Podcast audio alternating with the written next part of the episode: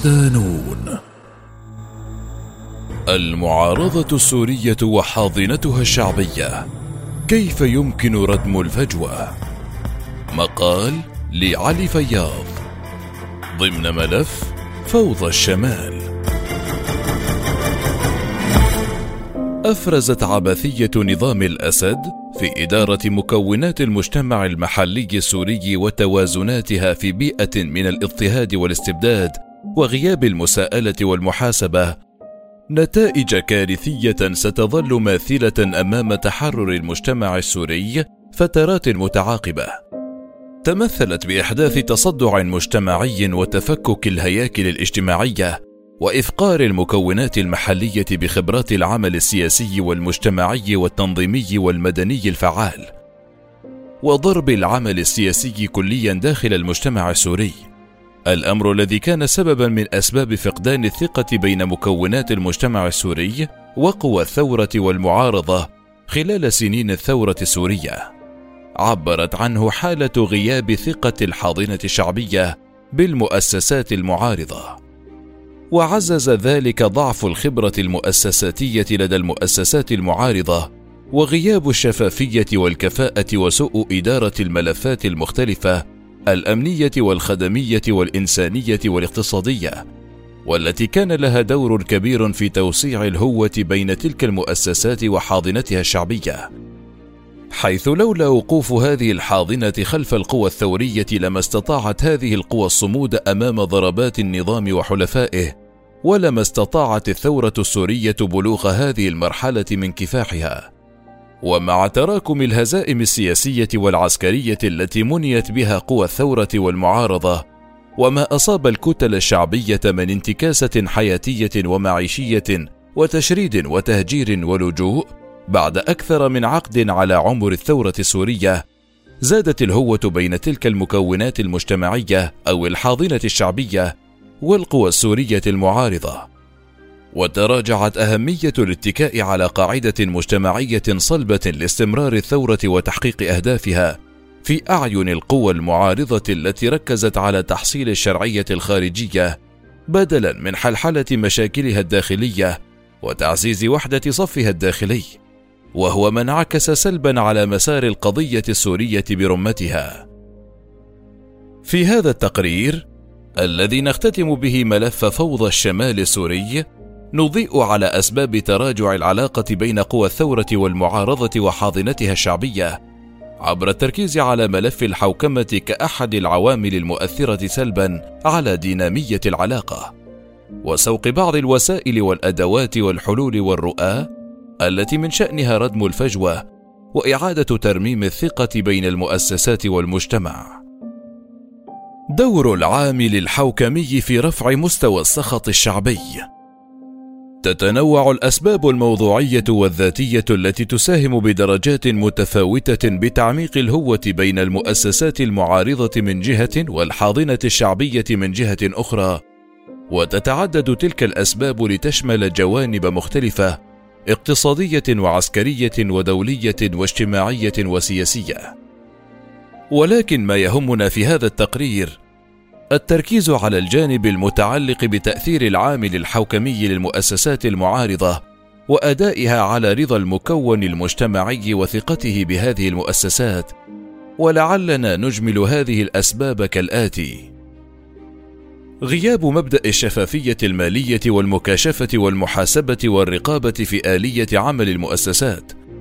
وبالتالي عدم وجود آلية واضحة لتسهيل تدفق المعلومات الموثوقة بين تلك المؤسسات إلى الفئات المجتمعية التي من خلالها تستطيع هذه الفئات معرفة كيف تمت الاستجابة للقرارات التي تتخذها الجهة المعنية ودرجة تنفيذها وتطبيقها. ومن خلالها تكون هناك فرصة لفهم الحاضنة الشعبية الصعوبات المختلفة التي تواجه المؤسسات المعارضة وإمكاناتها ومواردها. الضعف الهيكلي وغياب العمل المؤسساتي الكفء وانتشار الفساد بين أروقة تلك المؤسسات. لا سيما ضمن الأجسام العسكرية التي أنهكت الناس بالإتاوات والتحكم بأسعار الاحتياجات الأساسية فضلا عن الامتيازات الفصائلية والمحسوبية والتطفل على أرزاق وموارد المكونات المحلية بدلا من خدمتهم. ضعف المشاركة الشعبية داخل المؤسسات المعارضة وغياب التمثيل العادل لمختلف المكونات الاجتماعية والسياسية والعسكرية في تلك المناطق وتغليب المحاصصة السياسية في العضوية ضمن تلك المؤسسات على الاحتراف والكفاءة. وهو ما عبر عن حالة فشل إداري تسبب في تشتيت الطاقات وانتشار الفوضى وأفقد هذه المؤسسات شعبيتها وثقة الناس بها والتي عززها الأداء السيء للقوى السياسية والعسكرية. غياب الدور الفعال لمؤسسة الجيش الوطني كقوة إدارية مركزية جامعة لمختلف القوى العسكرية قادرة على إنهاء حالة التنافس والاقتتال الداخلي بين مختلف القوى الفصائلية على حفظ الأمن والنظام. حيث إن الحفاظ على الأمن والاستقرار يعد من أهم العوامل المساعدة في كسب الحاضنة الشعبية وضمان تأييدها للقوى العسكرية ومن خلفها مؤسسات المعارضة ككل. ولكن وطأة الفوضى الأمنية وبيئة عدم الاستقرار نتيجة التوترات الأمنية والاحتكاكات المسلحة المستمرة بين الفصائل العسكرية والتنافس على الموارد وتوسيع دائرة النفوذ وتعدد المرجعيات وغياب التنسيق فيما بينها وتقديم الولاءات الفصائلية على الصالح العام كل ذلك عزز الصورة السلبية للقوى العسكرية وزاد من الشرخ بينهما. هيمنة الفصائل وتسلطها على الجانب المدني والخدمي. ما أدى إلى تشكل فهم مغلوط لدى الحاضنة الشعبية لدور القوى العسكرية ورفع التطلعات في الوقت الذي تعاني فيه هذه القوى من شح في الموارد. وفي هذا السياق أشار الدكتور أحمد قربي الباحث في مركز الحوار السوري. في حديثه مع نون بوست إلى أن الفصائل العسكرية حملت نفسها اعباء خدمية تفوق نطاق قدراتها وتخرجها عن أصل مهامها بدلا من التركيز على عملها العسكري فحسب. وقد أدى هذا التوجه إلى إشكالات مزدوجة عسكريا ومدنيا وألقى بآثار سلبية على الخدمات التي كانت الجهات المدنية أكثر قدرة على النجاح فيها فيما لو أتاحت لها الفصائل ذلك. وأكد على ضرورة تخفيف الاحتكاك بالحاضنة الشعبية وجعل قضية ضبط الأمن منوطة بالشرطة والمحاكم. وحتى إذا أرادت الفصائل تقديم الخدمات فيجب أن يكون ذلك عبر المجتمع المدني والمؤسسات المدنية وليس بصفتها حاكمة عسكرية للمنطقة. تحييد المؤسسة القضائية وتغيب دورها الفاعل في عملية حوكمة الشمال السوري وهيمنة الفصائل العسكرية وتدخلها في قرارات وتوجهات المؤسسة القضائية والذي أدى بدوره إلى الحد من مساحة الاستقلالية لدى السلطة القضائية وتخبط المرجعيات القانونية والتنظيمية ما انعكس مباشرة على عجز المؤسسات المعارضة عن تحقيق منجزات عملية ميدانية استراتيجية وعدم قدرتها على تأمين الموارد والمساعدات في ظل عجز عن تقديم رؤية اقتصادية حاكمة لعمل القطاع الاقتصادي وإدارة جنبات الاقتصاد. تفرض من خلالها سياسات اقتصادية رشيدة وتطبقها على أرض الواقع وتضع الخطط الاستراتيجية الأمثل لإدارة الموارد الاقتصادية واستغلالها استغلالا سليما. ويعتبر الباحث أحمد قربي أن الملف الاقتصادي يعد من أهم الملفات بالنسبة إلى الحاضنة الشعبية خصوصا في البيئات غير المستقرة والتي تكون النزاعات فيها قد أرهقت المواطنين. ما يدفعهم للبحث عن روافع اقتصادية لتجاوز هذا الواقع وهو ما يحتم بدوره على قوى الثورة والمعارضة العمل على مشاريع تلامس حاجات الناس اليومية الملحة كتحسين الوضع الاقتصادي وزيادة مستويات الحوكمة. التبعية والارتهان لقوى دولية مختلفة وتحديدا تركيا بحكم العلاقة التي تربطها مع مؤسسات المعارضة السياسية والعسكرية. وخضوع تلك المؤسسات لتقديرات الإدارة التركية التي يتسم تعاطيها مع مختلف قضايا الحكم المحلي القانوني والخدمي والعسكري والسياسي بعدم الوضوح والفاعلية. وهو ما شكل حالة من عدم الاستقرار والتشتت والتوتر وتعقيد العملية الحكومية وإخضاع المنطقة إداريا لمرجعيات متعددة حيث تتبع كل منطقة من مناطق الشمال إداريا لولاية تركية مختلفة عن الأخرى. وتعتبر نقطة علاقة مؤسسات الثورة والمعارضة مع الفواعل الدولية إحدى أهم القضايا التي تتناولها الحاضنة بالنقد والاتهام. إذ تتهم هذه المؤسسات بتبعيتها لأجندات خارجية وعدم امتلاكها استقلالا سياسيا وتمرير هذه المؤسسات مصالح قوى خارجية على حساب مصالح الحاضنة. ويعتقد الكاتب والمعارض السوري الدكتور ياسر العيتي أن رؤساء المجالس المحلية يتلقون التعليمات من الولاة الاتراك وأن القطاعات الخدمية تتلقى التعليمات من المنسقين الاتراك المعنيين بهذه القطاعات كالصحة والتعليم والقضاء والأوقاف وبالتالي لا يمكن الحديث عن حكومة مؤقتة ولا عن جيش وطني نظرا إلى عدم وجود قرار وسلطة فعلية لها على الأرض.